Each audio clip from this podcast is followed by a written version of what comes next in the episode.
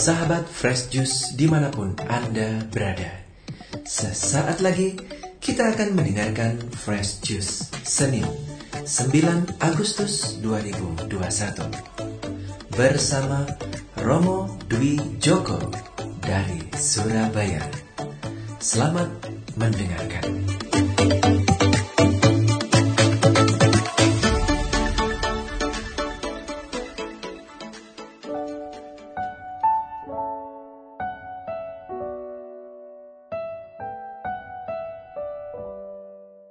Para sahabat Yesus yang terkasih, selamat pagi, selamat berjumpa kembali. Salam damai dalam kasih Tuhan. Para sahabat, hari ini Senin dalam pekan ke-19, kita akan mendengarkan bacaan yang diambil dari Injil Matius bab 17 ayat 22 sampai dengan 27. Mari sejenak kita membuka hati untuk mendengarkan sabda Tuhan. Sekali peristiwa, Yesus bersama murid-muridnya ada di Galilea. Ia berkata kepada mereka, Anak manusia akan diserahkan ke dalam tangan manusia. Mereka akan membunuh dia, tetapi pada hari ketiga ia akan dibangkitkan. Maka hati para murid itu pun sedih sekali. Ketika Yesus dan para muridnya tiba di Kapernaum, datanglah seorang pemungut pajak bait Allah kepada Petrus dan berkata, Apakah gurumu tidak membayar pajak dua dirham? Jawab Petrus, memang membayar. Ketika Petrus masuk rumah, Yesus mendahulunya dengan pertanyaan, Bagaimana pendapatmu Simon? Dari siapa raja-raja di dunia ini memungut bea dan pajak? Dari rakyatnya atau dari orang asing? Jawab Petrus, dari orang asing. Maka kata Yesus kepadanya, jadi bebaslah rakyatnya. Tetapi agar kita jangan menjadi batu sandungan bagi mereka, pergilah memancing ke danau. Dan ikan pertama yang kau pancing, tangkaplah dan bukalah mulutnya maka engkau akan menemukan mata uang empat dirham di dalamnya. Ambillah itu dan bayarlah kepada mereka, bagiku dan bagimu. Demikianlah sabda Tuhan. Terpujilah Kristus. Para sahabat yang terkasih, kisah Injil hari ini diawali dengan penyingkapan tentang rahasia diri Yesus dan itu membuat hati para murid menjadi amat sedih. Mengapa mereka sedih?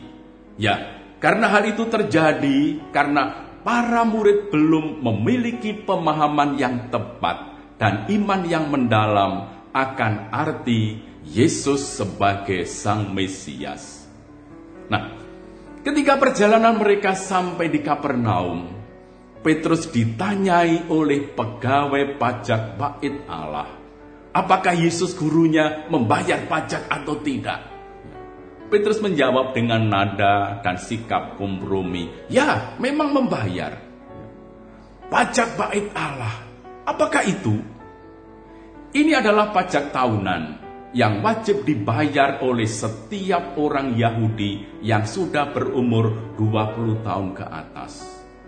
Karena sudah menjadi tradisi yang lama, semua laki-laki Yahudi dewasa diwajibkan membayar pajak dua dirham per tahun.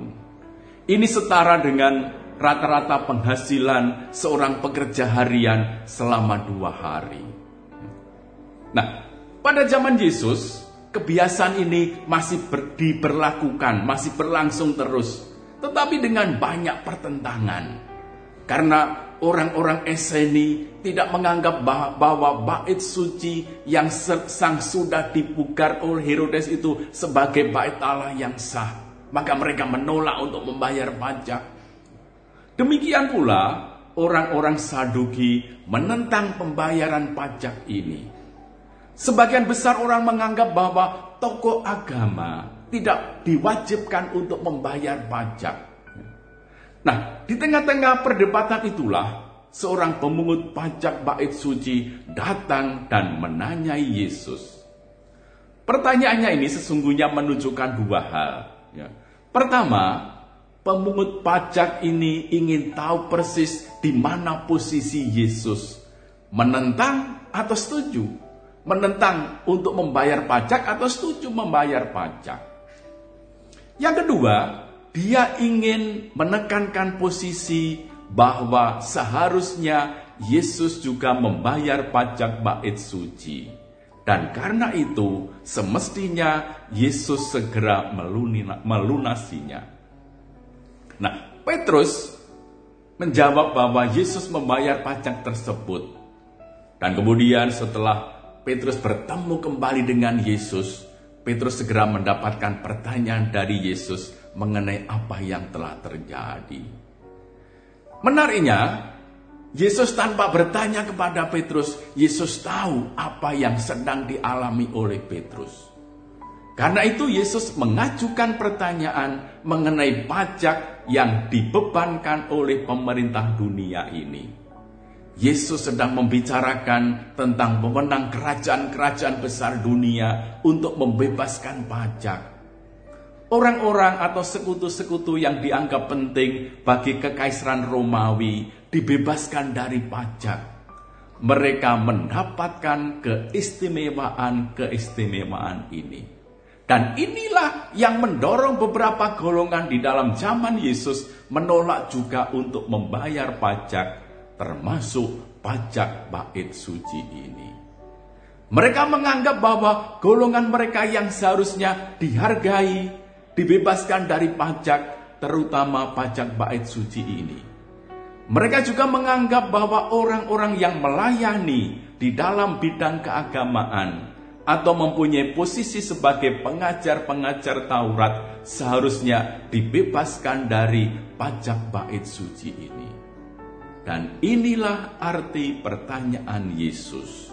Dia sedang meminta Petrus untuk berpikir tentang perdebatan yang sedang terjadi di kalangan Israel pada waktu itu.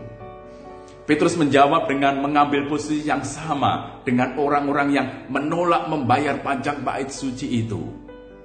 Dalam benak Yesus, tentu saja Yesus ingin membayar, tetapi Petrus lain.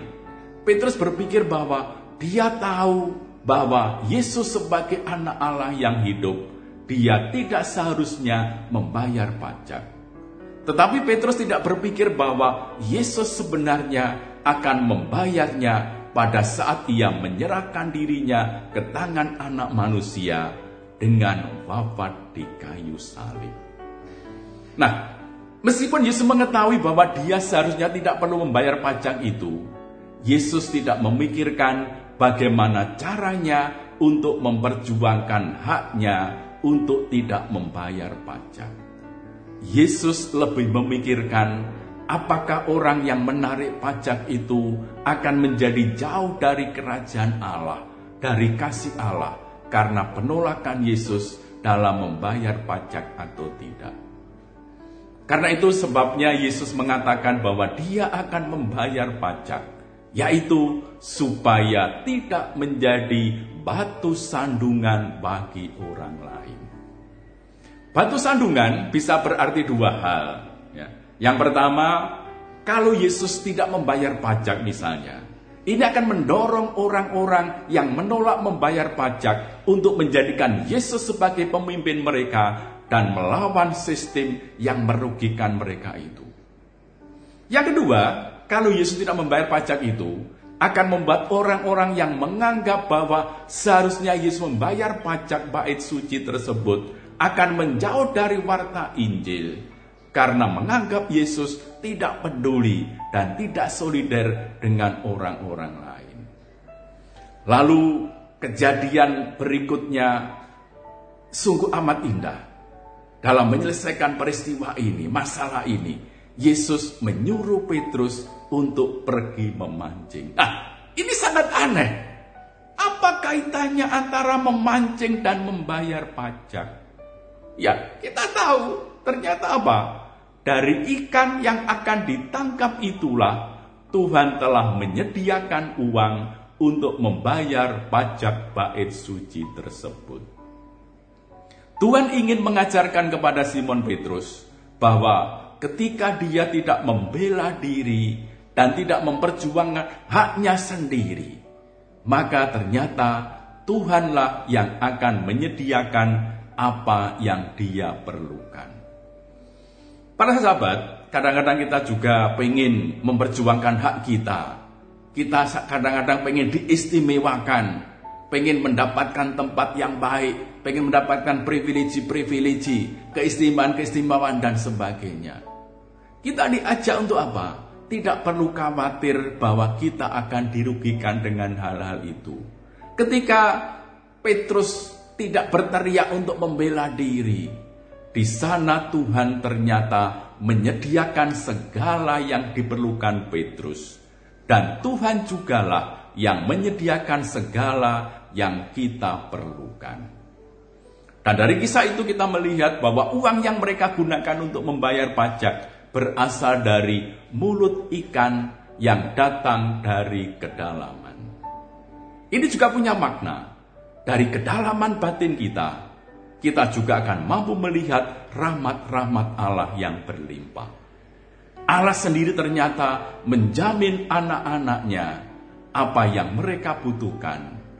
Dan itu disediakan secara ajaib dan berlimpah. Nah para sahabat, dalam kisah ini sekali lagi Yesus mengajar kita tentang kasih. Dalam kasih selalu ada kelebihan. Kasih tidak mau menyusahkan saudara sebangsa. Yesus pun juga membayar pajak. Dia warga negara yang baik. Dia tidak ingin diistimewakan, walaupun dia adalah seorang rabi, bahkan dia adalah anak Allah. Dan Yesus memperlihatkan bukti kebebasan bukanlah soal kuasa, melainkan kasih.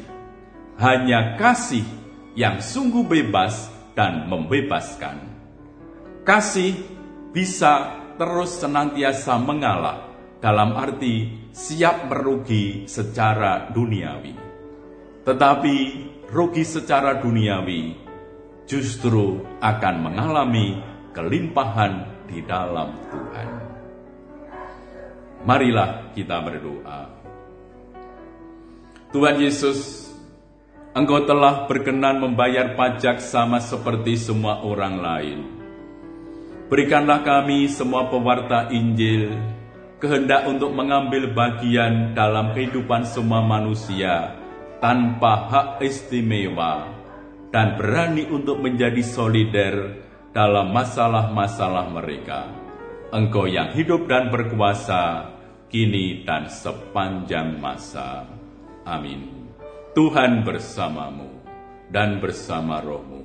Semoga Allah yang Maha Kuasa memberkati saudara sekalian, Bapa dan Putra dan Roh Kudus. Amin.